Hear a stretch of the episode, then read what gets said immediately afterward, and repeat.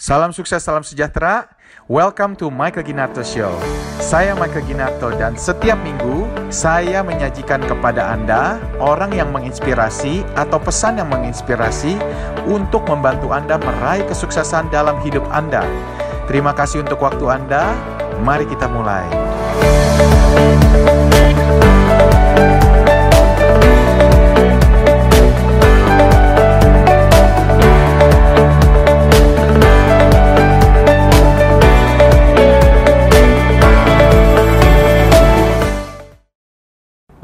Punya bisnis Ya. tapi nggak bisa punya bisnis karena terhambat modal. modal. Nah, you nah, memberikan solusi nah, terhadap problem nah. ini ya.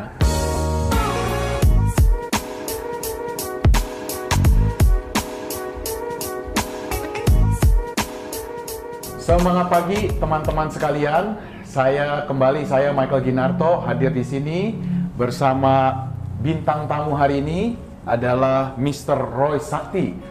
Pak Roy Sakti adalah seorang pengusaha hebat. Dia adalah pakar kartu kredit. Jauh-jauh datang dari Malang, datang ke Jakarta nih hari ini. Kita sangat amat beruntung ya. Iya. So langsung aja kita mau kupas bisnisnya Pak Roy banyak. Dia juga di, diundang sebagai narasumber dari berbagai seminar. Uh, kita mau belajar banyak nih hari ini dengan Pak Roy nih ya. Siap. Let's go. So Ah. let's go. Kita Nah. langsung aja. Jadi gimana? Nah, Iya, gimana sehat ya Pak Roy ya? pastilah sehat lah ya Michael. That's, that's good, that's good. Luar biasa. Pak Roy ini eh, dulu mulai ide kartu kredit ini mulainya dari mana nih Pak Roy? Jadi kalau kita berbicara kenapa saya pakai kartu kredit ya? Karena eh, satu nomor satu adalah kita nggak ada warisan ya. Eh, kalau cerita keluarga silsilah keluarga ini kan eh, harta itu habis di tangan papa sama mama saya. Oke. Ah, jadi uang warisan tuh habis. Habisnya bukan karena yang enggak enggak ya. Papa saya sakit diabetes ya, dan akhirnya kan mama saya harus nanggung kita berempat ya, single fighter ya, duit warisan habis semua ya. Dan kita start from zero, from zero, benar-benar from zero gitu. Nah, cuman mama saya tuh punya cita-cita. Ketika saya tanya pada mama saya tuh, pingin kamu pingin saya jadi apa gitu loh. Dia bilang gini terserah lu mau jadi apa yang penting jadi orang kaya gitu kan. Nah itu itu. Simple, Wah, ya. simple gitu. Waduh ya kan. Nah itu itu, itu jadi jadi beban juga ya. Iya, nah iya, iya. akhirnya ya kita eh, sampai saya disekolahkan di eh, Mama saya kan nyokap nyokolan saya di universitas. Kalau di Surabaya itu Petra. Itu itu termasuk yang paling bagus ya. Nah, itu kan isinya orang-orang orang kaya semua itu kan. Cuma kadang-kadang kita malah minder. Sebenarnya kita malah minder ya. Wah ini ketemu lihat nih kan lihat si A ya kan udah udah punya ada background ini ada background ini. Mereka ibarat kata mereka itu startnya itu bener-bener ya kalau nolnya tiap orang kan ada yang bener-bener nol kecil dan nol besar nih kan. Ada yang dikasih modal orang tuanya ada yang kerja di perusahaan. Ah kita mau dari mana gitu kan? Nah sampai pada akhirnya ya saya mikir wah muterin duit ya.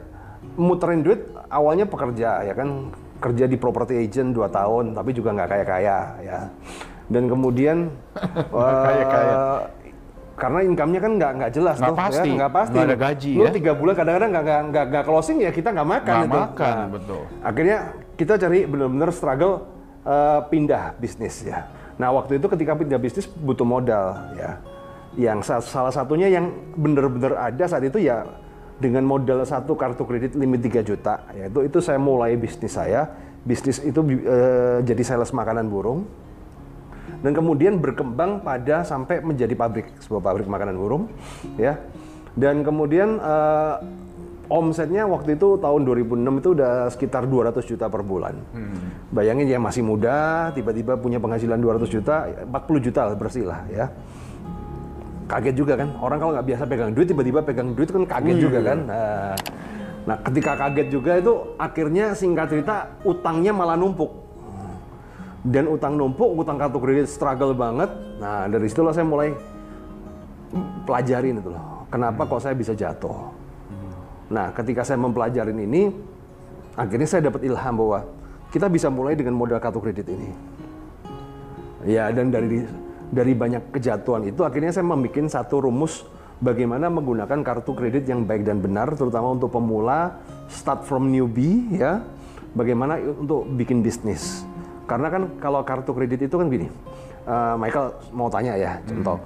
Pernah nggak diajarin sama orang tua eh, cara berutang? Nggak pernah. Nggak pernah. Apa yakin orang tua Michael nggak punya utang? Oh, pasti ada Malah lah. banyak ya. Iya. Nah, kita itu nggak pernah diajarin cara berutang sama orang tua kita. Padahal orang tua kita mungkin utangnya udah banyak gitu kan. Betul. Ibarat kata kan kita start from zero lagi tuh. Harusnya kan ilmu utang itu kan diturunkan. Betul. Di- Jadi kalau orang tua kita udah, udah sampai level 20 ya kita turunin lah. Jadi kita startnya bisa 10 kan. Tapi kenyataan di Indonesia itu kita start from zero lagi gitu loh. Nah, padahal utang itu kan kayak kita nyetir mobil ada aturan lalu lintasnya, ada yang boleh, ada yang enggak gitu. Nah, akhirnya it- itu yang saya saya ajarkan kepada teman-teman, kepada mereka. Saya bisa memulai start from zero, benar-benar yang kata orang eh, bukan siapa-siapa, bukan dari keluarga yang kaya, bahkan dari utang yang banyak. Kemudian kita bisa menjadi eh, pebisnis hanya dengan modal kartu kredit. Itu itu itu that's my way, ya. Dan cara ini yang saya ajarkan mulai tahun 2010 sampai sekarang. Hmm, 9 tahun ya. Ya, ini menjadi salah satu apa ya? Salah satu jalan bagi entrepreneur ataupun pemula bahkan eh, member MLM yang sudah bisa jualan. Tapi kemudian kendalanya terakhir di modal. Pengen punya bisnis, Ya. tapi nggak bisa punya bisnis karena terhambat modal. Modal. Nah, eh, you nah, memberikan solusi nah, terhadap problem nah. ini ya. Orang-orang kalau nggak punya modal datang ke gua biasanya. Iya. Gitu. Waduh, bagus bagus ya. Terus waktu mulai bisnis itu bagaimana itu? Ada konsepnya bagaimana? You kan coba jadi agent dua tahun gagal, terus you jadi sales makanan burung. Nah, jadi ini yang menarik adalah, jadi waktu itu ya, perubahan shift dari seorang property agent menjadi sales makanan burung itu itu itu drastis banget gitu kan. Nah, Iya, benar. Biasa kita berjas ber, kayak kayak lu gitu kan, Iya, nah, iya, berjas iya, di mall, nawarin apartemen satu miliar, 2 miliar, Iya, ditolak iya, mah iya, udah iya. biasa ya. Biasa. Nah, tiba-tiba naik sepeda motor kumel gitu kan ke pasar burung nawarin ke toko-toko burung barang tiga ribuan kan biasa kebanyakan orang Madura-Madura itu kan itu masih ditawar lagi tuh aduh, rasanya aduh rasanya itu malunya tuh udah sampai sampai ke injak-injak gitu kan. harga diri kita kan. Kita ini Cina tapi kok harga diri kayak begini gitu kan? Nah, dalam hati kayak begitu ya. Iya, iya, nah. iya, iya. nah tapi karena nggak bisa makan jadi mau nggak mau jadi waktu itu akhirnya saya cuma mikir satu. Dah beli nggak beli gua datengin deh. Itu aja deh ya. Tinggal siapa dulu yang bosen. Ya lu bosen lihat muka gua akhirnya beli apa gua bosen datengin dulu akhirnya gua nggak beli gitu. Nggak nggak nggak nggak jalan jadi dengan konsep ini lama-lama orang juga akhirnya trust juga gitu loh jadi konsistensi Konsisten. nah biasanya orang-orang pemula biasanya para newbie itu ya eh, nyoba dikit kok susah ya pindah lagi kok susah ya pindah lagi gitu ya padahal mereka nggak tahu bahwa bisnis itu paling susah itu kan pertama kali jalan Oh iya. itu kan the hardest part itu kan That's right. ya. di saat gua nggak tahu siapa. Lu produk lu gimana? Lu bener apa enggak nipu apa enggak Iya. itu kan barrier paling besar loh. Betul. ketika kita nawarin pertama kali. Kalau ditolak penawaran kedua itu pasti jauh lebih lebih lebih lebih apa ya? Lebih mudah itu kan. Ketiga keempat akan makin mudah itu. Hmm. Iyalah. nah tapi kebanyakan teman-teman para millennials ini terutama ya kan nyoba bisnis ini kok susah ya pindah lagi? Pindah, Nah, kok susah ya? lagi pindah lagi? Cari nggak sadar terus dia ya? selalu melakukan the hardest part gitu loh jadi dia selalu melakukan part yang susah-susah itu ya akhirnya mengambil kesimpulan bisnis itu susah gitu. jadi satu hal konsisten dah. Karena penolakan itu pasti ya, ya. Pertama kali pasti ya Betul, ya. betul. kecuali eh, langsung terima itu ya kecuali lu lu jual murah atau lu siapa gitu kan. Nah. Menarik juga ya. Itu dalam jangka waktu berapa lama jadi uh, sales makanan burung sampai you sekarang punya pabrik Ya, makanan burung kan malah. Start awal jadi gini, start awal setahun pertama itu kan jadi sales, kemudian jadi eh, distributor ya, start awal tek tek tek. Itu itu eh, grafisnya landai banget sih ya. Waktu itu pertama kali saya pakai modal kartu kredit ya. Kan saya punya kartu kredit limit cap orang miskin cuma 3 juta ya. itu pun tariknya di ATM cuma satu juta 600 gitu ya. Nah, dua bulan pertama babak belur udah biasa lah jadi SOP jadi kalau bisnis bulan-bulan pertama babak belur itu SOP udah sudah udah biasa nah kemudian begitu udah mulai bagus tek ya kan bulan kedua sampai bulan kelima gue bisa cari keuntungan tuh 300 persen Waduh. keren ya kan. Kenapa? Wah, Dibantu Iya gitu? kan. Apa pakai marketing dengan, strategi Dengan dengan gitu ya? strategi, istilahnya dengan jualan udah barangnya cocok kan. Saya cari keuntungan tuh tiga bulan tuh gue bisa dapat lipat tiga, 300 persen. Sayangnya dari satu juta enam ratus, bos. Ya, Iya, iya, coba kalau startnya 100 juta, ya kan, Waduh, udah bumi dan 300, langit. ya. iya. Dari situlah saya paham bahwa sejago-jagonya gua, tapi kalau gua nggak punya leverage juga percuma gitu kan.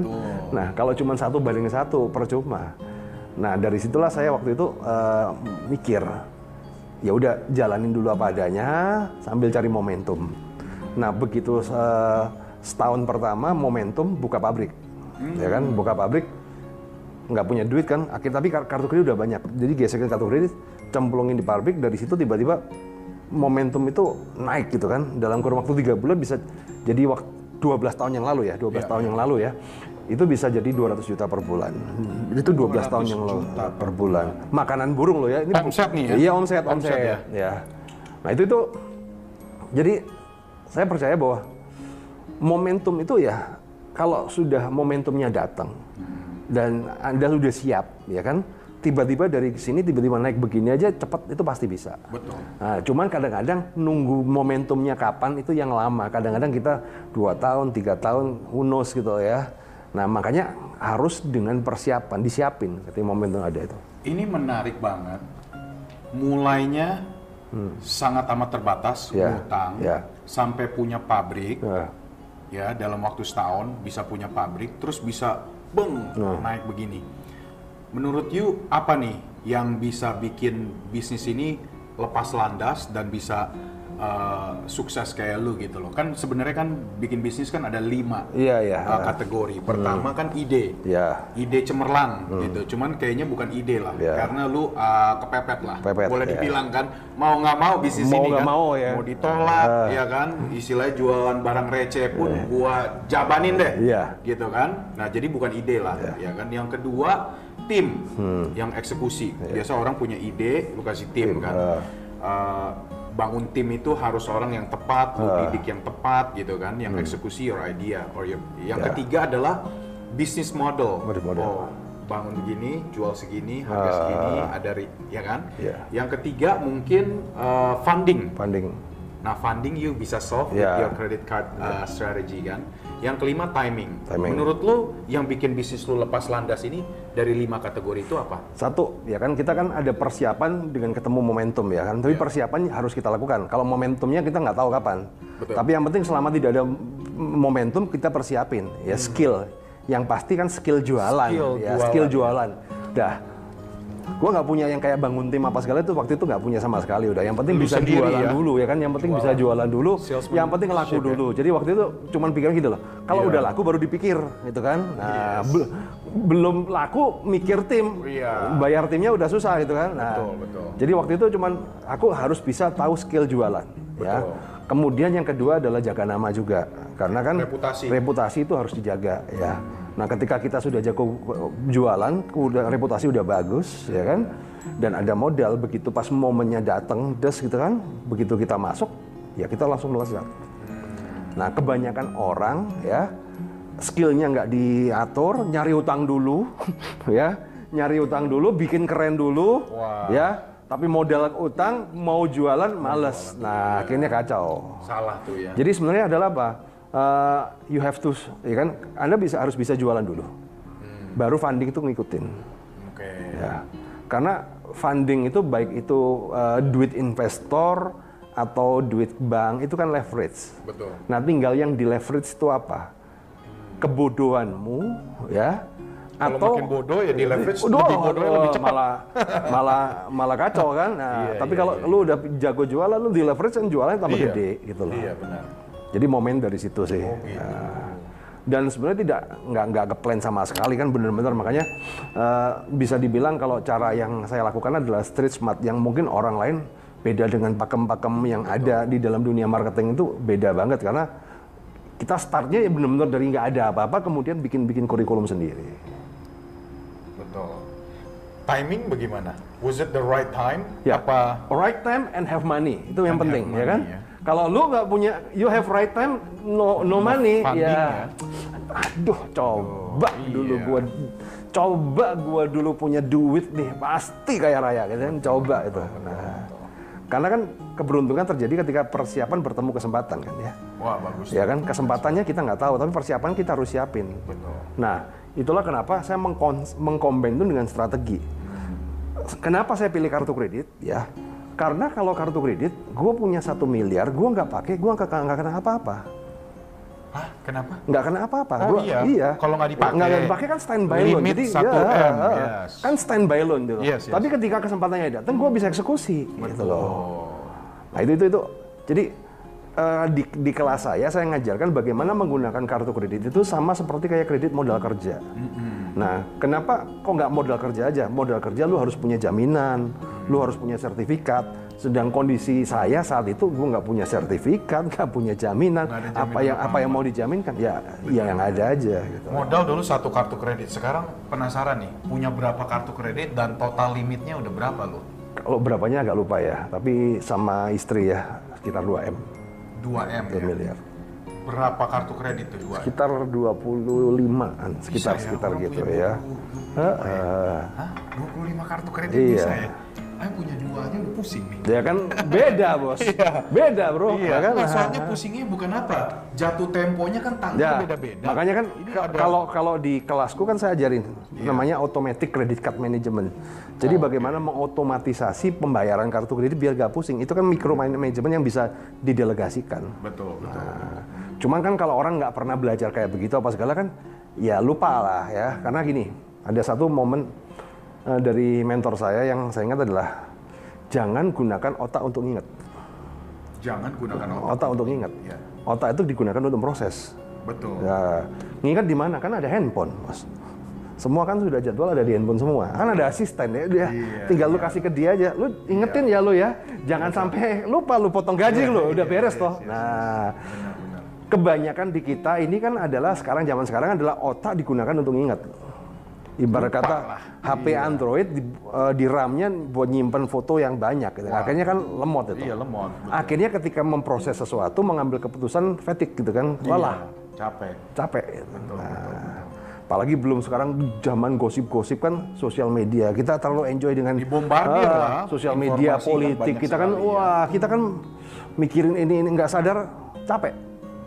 Dan akhirnya orang itu down gitu loh. Sekarang bisnisnya apa aja, Bos? Gua ada pabrik itu pabrik makanan bulu masih ada. Terus aku ada restoran, ada kafe, kemudian eh, ada homestay juga, dan kemudian eh, terakhir kita buka bengkel sih di, di Jakarta di Bintaro ini ya. Oh, Tapi kalau yang lain bisnisnya di Malang sih. Ya kita mau orang-orang orang orang desa lah, ya kan orang desa lah. Orang desa Iya. gitu kontan semua, Bos. Cuma Amin. dia jagonya kredit kan Kalau gitu juga ya, ternyata. enak lah. Karena kalau di kota di Malang itu enaknya apa? Satu pengeluarannya dikit, bos. Kalau di Jakarta kan Oh pengeluarannya banyak. iya, boros. Ke mall aja cetia udah Cetia habis. ya. habis, nggak ada apa-apanya, Udah habis, ya. Benar, benar, benar. Terus eh, kalau bangun bisnis lu sekarang gimana sih kan cuman ada tiga cara Iya. untuk eh, naikin omset kan. Iya. Nomor satu dapetin customer baru. Iya. Nomor dua naikin eh, nilai transaksinya. transaksi, upsell, Iya upselling. kan, upsellnya. Iya. Yang ketiga naikin frekuensinya Frekuensi, mereka yes. beli. Nah, Iya. kalau di bisnis lu itu bagaimana tuh? Contohnya yang paling eh, lama lu rintis kan sebenarnya Iya, makanan burung. iya, Nah, ini makanan burung. strategi apa yang lu pakai? Jadi gini, kalau kita intinya strategi kan cuma tiga ini aja kan, ya. Jadi ya kalau di makanan burung sih tinggal tester apa segala. Cuman kalau di makanan burung sih sekarang udah nggak apa gua nggak gua apa-apain juga udah jalan gitu loh. Jadi ini udah otomatis ya. Cuman eh, gua nggak ada passion di situ. Jadi ini urusannya manajer aja. Oke. Ya, yang penting omset harus naik gitu aja deh. kalau yang itu di situ. ini? Nah, Iya. cuman kalau di bisnis yang lain ya kita eh, get traffic ya. Ya. Kata kuncinya adalah kita harus bisa mengenalin customer, ya. Customer itu kan ada tiga. Orang yang belum kenal sama kita itu namanya cold customer. Orang yang udah kenal tapi belum beli itu warm. Kemudian orang yang sudah pernah beli yaitu hot. Yes. Nah kita harus bisa mengenalin gitu. Betul. Ya kayak contoh kayak di YouTube ini kan kebanyakan cold customer. Orang yang nggak iya, kenal nih kenal sama sekali. Iya, lu Yes. kalau ke cold customer ya jangan langsung asal tabrak tiba-tiba lu jualan barang apa segala, orang ya pasti mental maki-maki iya gitu kan. Betul, betul. Nah, Tapi ke call customer kan lebih condong pada kita approachingnya adalah uh, me- berkenalan, ya. Kasih sampel Iya, mungkin ya. Ya sama ya kalau lu pertama kali datang gua tiba-tiba lu prospek gua MLM habis itu nggak datang lagi gua gitu kan. kena, Nah, nggak kena, nah, kena. Benar, benar. tapi kalau udah udah engage udah enak kan baru. Nah, iya, baru iya, iya. tinggal dia itu perlu apa enggak gitu aja. Nah, kata kuncinya di situ sih. Jadi kadang-kadang eh, yang hardcore sales itu kadang-kadang dari kenal tiba-tiba langsung closing. Orang kan mengharapnya seperti itu. Berat, ngomong berat lah kalau zaman sekarang ya terutama ya. Karena apa? Lu harus tahu bahwa orang itu nggak suka dijualin. Oh iya. Ya, orang itu tidak suka dijualin, but they love to buy. Lah itu. Iya. Nah, jadi orang itu nggak suka dijualin, tapi dia suka beli gitu loh, ya.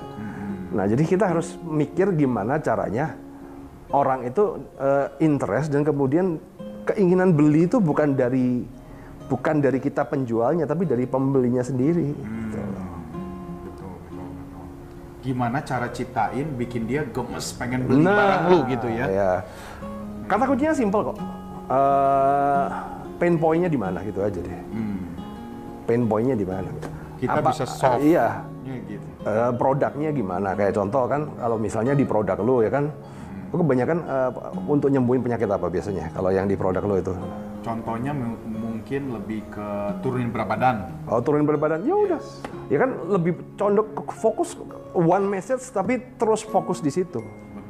Lo mau kurus nggak begini gini gini dengan dengan cerita cerita begitu kan tapi kan setiap ngomong setiap apa endingnya ke situ dengan berbagai macam versi One message, one message ya kan different ways Ah, of different way delivery. gitu kan Ah.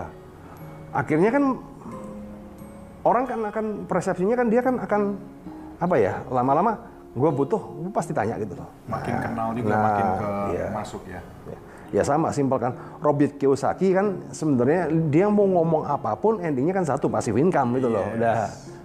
Become a Nah, business owner. business owner ya kan lu passive income, kuadran itu kan ya lu baca buku tebelnya itu berapa seri pun ya ngarahnya juga Intinya satu. jadi Itu. investor Nah, atau business owner. Iya. Udah itu aja. Udah itu aja. kuadran ya.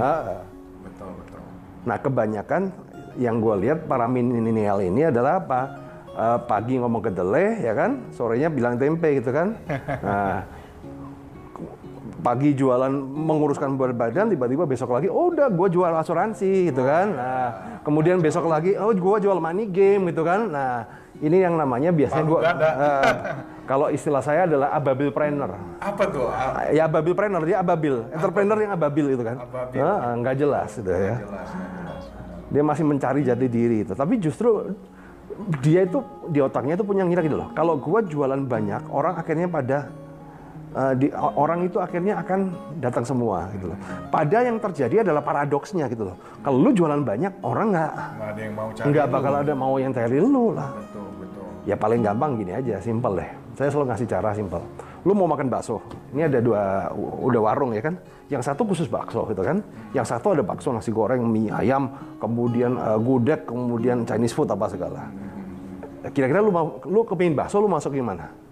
Ya pakarnya bakso. dong. Yang bakso dong, ya kan? Iya. Kenapa nggak masuk itu kan banyak jualannya. Itu belum tentu enak. Nah, itu Soalnya kan dia sama. Nah, kuasain ya. nah, sama sebenarnya di dalam dunia marketing juga sama gitu loh.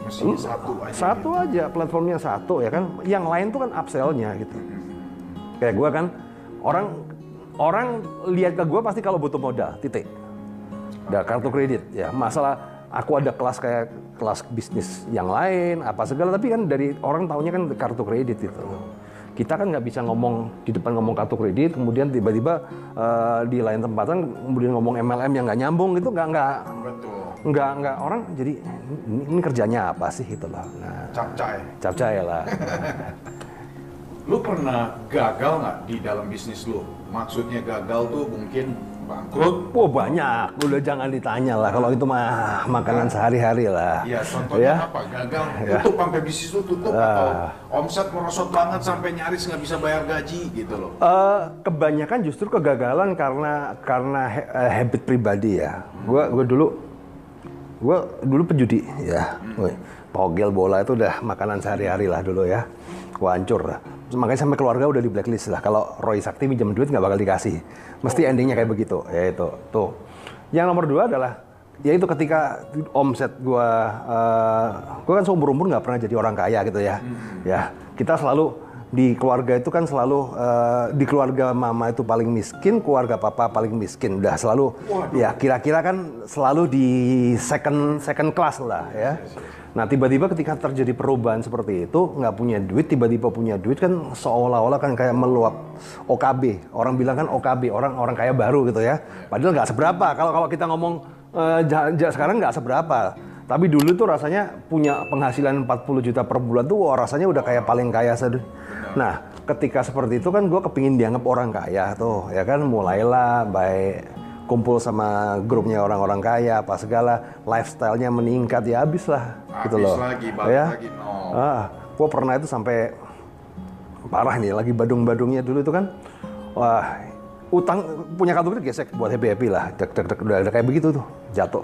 Jadi kejatuhnya kan karena karena gaya hidup sih ya gaya hidup. Nah sampai pada su- suatu ketika gali lubang tutup lubang Ketika utang kan gali lubang tutup lubang gali lubang tutup lubang udah begitu stres cari jalan keluar ya kan Eh, ikut seminar seminar seminar ikut forex ya Hancur ya, Forex. iya. Awalnya pasti menang dulu lah, bos. Kalau pertama hancur udah udah gak bak- lebih bagus itu. Kalau pertama hancur tuh lebih bagus sudah satu juta selesai ya udah jangan deh ya kan. Masalahnya pertama kan menang dulu.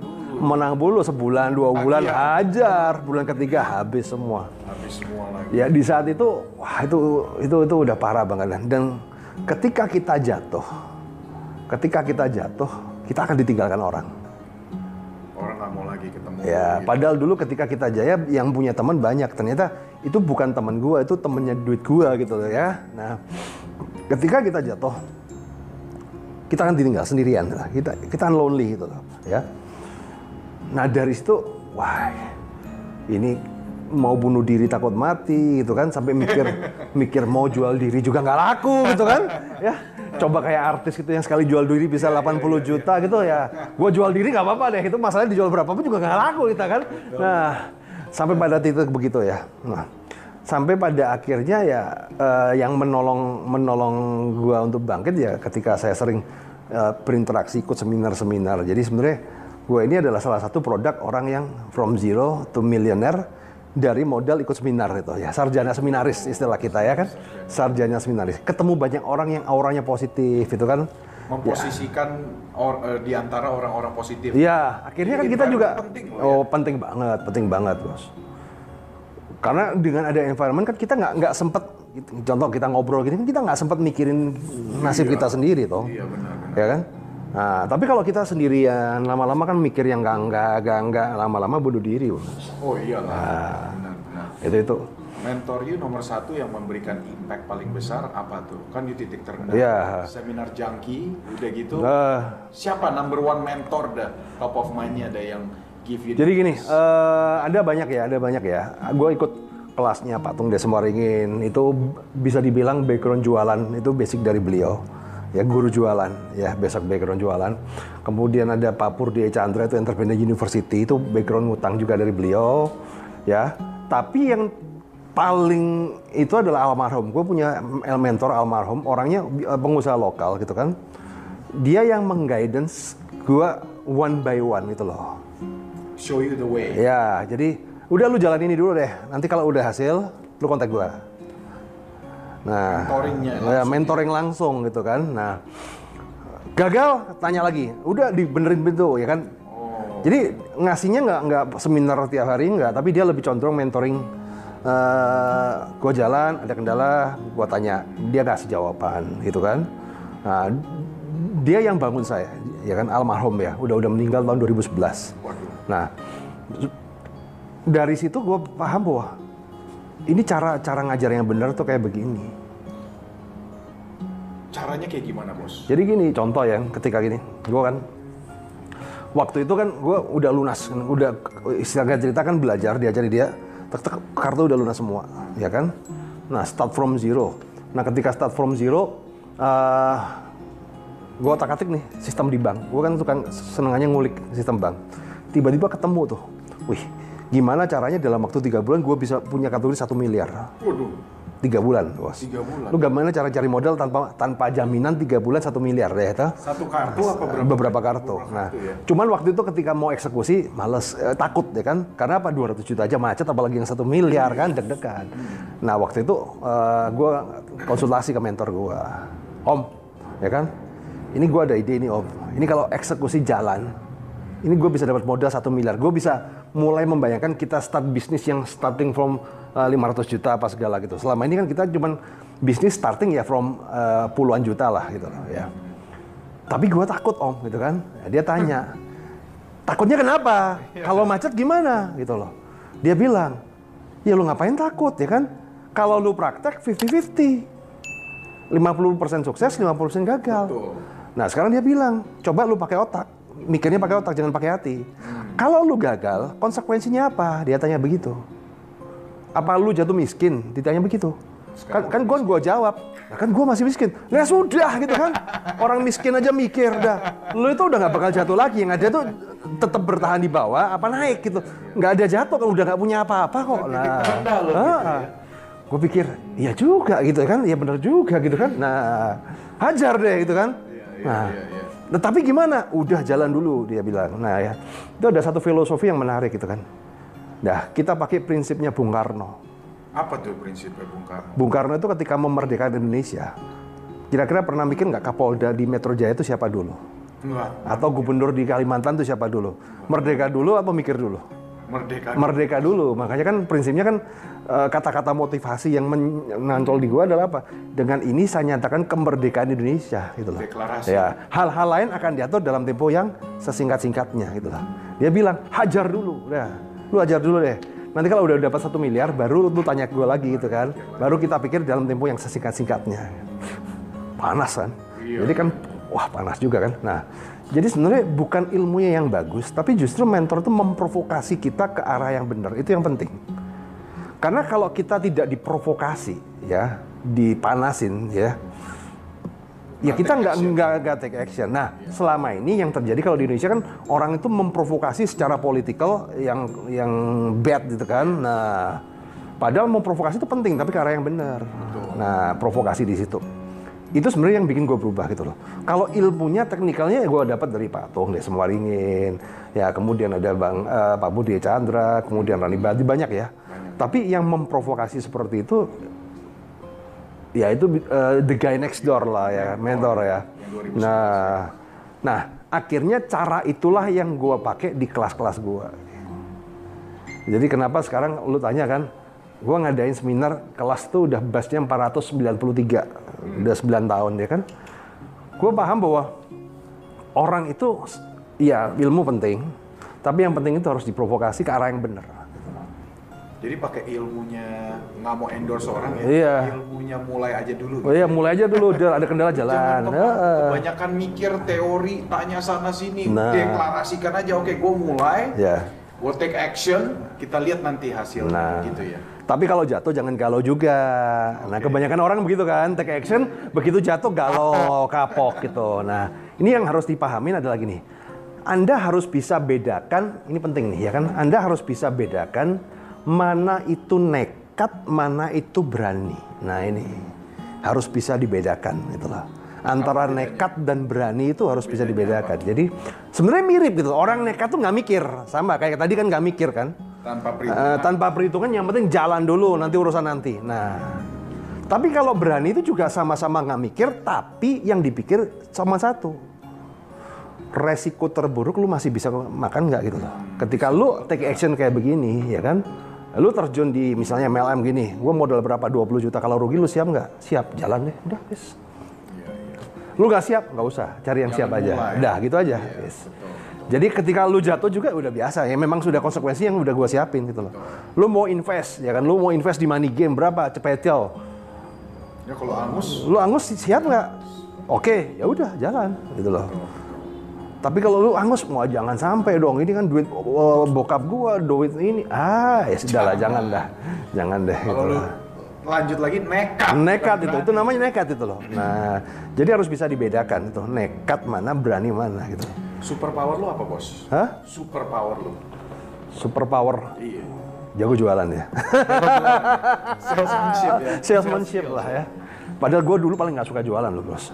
Minder, takut ketemu orang. Minder takut ketemu orang apalagi kan uh, gue apa udah jeleknya udah original gitu kan udah udah dari sononya udah jelek gitu bos. Gue lebih gede lagi dulu kan lebih lebih lebih, gendut lagi lah. berisi ya? lebih berisi ya minder ya. Paling takut jualan sih gitu. Paling takut ya. jualan dulu ya. Justru lu ambil action untuk Ya akhirnya kan mau nggak mau ya karena kita sudah terbiasa jualan dia. Yang penting satu kan sebenarnya jualan tuh simple. Lu yakin nggak produk lu bagus gitu aja deh. iya betul. Kalau lu yakin produk lu bagus, lu jualan tuh ngomong enak gitu loh. Karena lu bisa mempertanggungjawabkan apa yang lu jualin gitu loh.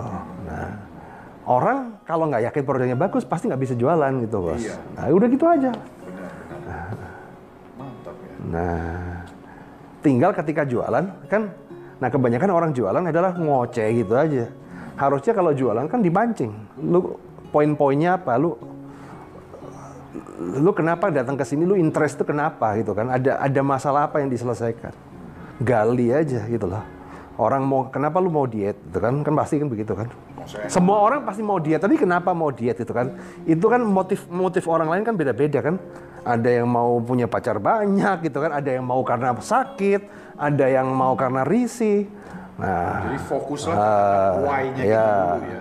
Nah begitu ketemu pain point-nya udah itu tekenin terus aja lo.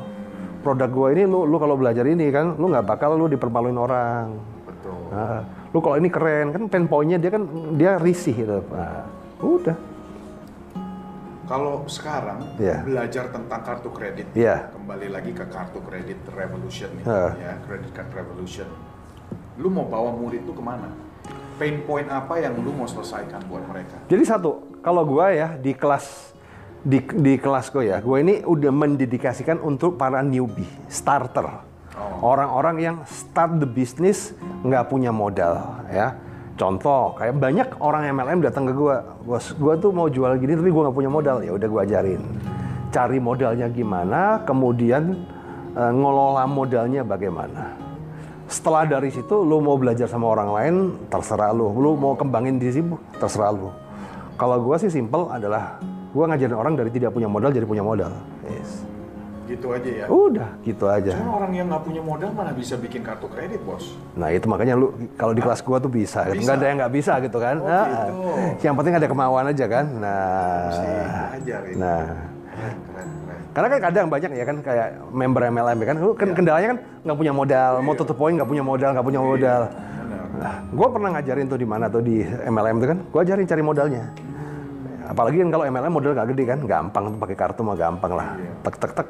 Yang penting itu diajarin cara cari modalnya, kemudian maintenance-nya itu yang penting, maintenance-nya. Modal awal Nah, betul. banyak orang cuma fokus nyari nyari nyari tapi nggak tahu maintenance-nya. Karena maintenance itu kan contoh gini ya satu kartu kredit itu kan punya empat empat SOP lu punya kartu itu punya empat tugas. Satu terima billing tagihan. Yes. Singkat namun menggelegar gitu kan. Ya. Apalagi kalau tagihannya banyak tuh wah lu habis ya, dengar audiobooknya patung disembaringin yang wah semangat semangat semangat. Pasti bisa pasti bisa. Cepling. Pilih tagihan 40 juta minggu depan. Eh langsung ngedrop itu kan. Nah pain point ke- tugas kedua adalah mikir ini bayarnya gimana ini kan? Nah, itu itu lama itu ya. Nah tugas ketiga adalah datang ke bank untuk bayar Betul. Ya, datang ke bank untuk bayar minimal ke ATM lah Yes. ya tugas keempat lu ke Geston harus gesek lagi tuh karena duit kan cuma diputar doang karena rata-rata orang kartu kredit kan begitu kan dibayar kemudian dilunasin digesek lagi gitu kan Nah, gitu ya? iya Bisa gitu ya? bisa Misalnya untuk tagihan- nahan nahan nahan nahan bunga aja jadi tiap bulan cuma bayar bunga aja Tagihan gua 100 juta nih. ya tagihan juga lu 100 juta ya kan nah Gua nggak ada duit. nggak ada duit Buat bayar. bisa datang ke Geston Cuman punya 50 nih. Oh udah bagus tuh lu bayar 50 gesek lagi 50 bayar lagi 50 Jadi cepet nggak ada. Nah, nggak ada bunga. Oh, gitu Cuman kena gi- biaya geston aja. Oh iya iya. iya. Nah, Oh, iya, bisa iya. gitu ya. iya. Oh, gua nggak kepikir loh. Nah, satu kartu 4 SOP ya. Lu bayangin kalau orang punya 10 kartu. Iya. Berarti kan ada 40 tugas. ya. Yang itu sangat mendestruktif eh, kerjanya dia tuh. Harusnya prospek, eh jatuh tempo, gue ke Mangga 2 Square dulu deh, Geston gitu kan. Nah, apalagi rata-rata kalau orang Jakarta ini punyanya 10-20 kartu. Akhirnya kan waktunya habis hanya untuk ngurusin begituan. Ngurusin begitu Ini aja. iya. Nah, lu ada sistemnya supaya Gua ada sistem bagaimana lu nggak usah mikir, udah tinggal diotomatisasi selesai. Biar lu fokus jualan gitu loh. Lu fokus jualan, lu fokus bisnis lu, lu fokus karir lu gitu. Buat yang mau mulai bisnis kurang modal, Nah, tips nggak? Tiga tips lu lah untuk sukses. jadi tiga tips su- sukses adalah pas satu ya kan, kurang bisnis ya kan, newbie, lu harus bisa jago jualan dulu deh. Nah, lu belum jangan sampai kamu belum bisa jago jualan, lu nggak nguasai produknya atau eh, ini tiba-tiba langsung berutang. Itu itu itu bahaya itu. Itu sangat bahaya itu. Itu sangat bahaya. Yang nomor dua kalau udah utang, ya kan, saran saya cari mentor yang bagus, yang benar untuk di situ gitu loh. Ya, mentor itu kan ada tahapnya sendiri-sendiri. Ya, contoh Cari ya kan, ya cari lu tujuannya apa sekarang, ya kan? Iya. Lu di pemula, pemula ya cari yang untuk pemula. Hmm. Gua spesialis newbie, ya. Beda kalau lu udah punya perusahaan, Bo, bos gimana membesarin perusahaan gua? Gua gua bisa, tapi bukan skill gua gitu kan. Lu harus ke coach kan banyak coach tuh kan, ada yo ada Ski Pauli, ada coach uh, uh, MC Ifle itu kan banyak lah coaching-coaching. Itu tuh mereka tugasnya dia gitu. Nah, ya tinggal lu spesifik lu tujuannya apa, lu cari orang yang jago di bidangnya gitu aja. Ya lu mau belajar golok ya lu ca- cari yang jago golok gitu kan. Nah, Golok. Yang penting Iya. kita siapkan pikiran, Ah. kosongkan, dan Nah. kita siap Nah. dibina ya. nah. Pasti Tuh. bisa ya. Kemudian yang terakhir adalah ketika lu gagal, jangan putus asa. Nah, karena sebenarnya semakin karena kita ini jago karena kita banyak gagalnya gitu loh. Kalau orang nggak pernah gagal nggak bakal bisa jago gitu kan. SOP-nya begitu. Teori aja. Nah, selalu cari kesalahan baru lah. Yes. Benar, benar, benar. Wah, thank you banget nih. Gua belajar bang- banyak banget eh, dan gue yakin teman-teman semua yang nonton sesi eh, conversation kita barusan in the power zone banyak mengambil hikmat, kebijaksanaan juga ya. Eh, ada beberapa yang nyangkut sih di pikiran gue sih yang barusan lu sharing. Nomor satu tips suksesnya ala Roy Sakti. Nomor satu adalah you have to master sales. Untuk memulai suatu bisnis, sesuatu usaha, kita harus menguasai sales. Memang nggak bisa lari dari sales sih, ujung-ujungnya sales. Yang kedua, jangan jadi kutu lompat. Ya, itu yang nyangkut di pikiran gua ya. Jadi kita harus fokus. Memang awal-awal pasti akan susah. Ya, justru pada titik uh, orang-orang memulai sesuatu usaha baru itu susah, mereka malah berhenti mulai usaha baru. Sebenarnya di awalnya pasti susah. Dia pikir ganti bisnis baru itu bakal lebih gampang. Salah. Mulai bisnis baru adalah Susah lagi. susah lagi. ya. Kita mulai lagi dari nol. Istilahnya kalau kita uh, bela diri itu kita ban putih lagi. Baru mau naik ujian ke ban kuning, kita pindah bela diri lagi. Ilmunya beda lagi. Ban putih terus umur hidup ya. Yang nomor tiga is all about surrounding yourself with the right people. Jadi penting banget kita memposisikan diri kita itu di antara orang-orang positif yang mendorong kita agar lebih sukses lagi dan cheer us up untuk lebih sukses lagi gitu ya bos ya. Iya. Ya itu sih top 3 yang I bisa bisa dapat sih. Udah bagus ada, tuh. Ada lagi yang Udah cukup lah tiga itu aja lah. Ya, udah tiga cukup itu lah. ya. Tiga itu kalau dibenerin udah kita orang itu udah jadi kaya kok ya. Iya, udah jadi kaya. Yang yang yang lebih dahsyat lagi tadi mulai aja dulu, jangan kebanyakan mikir ya. Jadi langsung aja take action, jangan nekat tapi berani ya. Bedanya nekat berani tadi kita udah belajar Iya. dari Bos Roy Sakti ini ya. Jadi jangan takut mengambil langkah ya. Cuman langkahnya harus diperhitungkan dulu. Berani berani ambil langkah, berani ambil resiko, pasti kita berhasil. So demikian uh, sesi uh, sharing dengan Bos Roy Sakti. So saya yakin bermanfaat. Thank you for watching.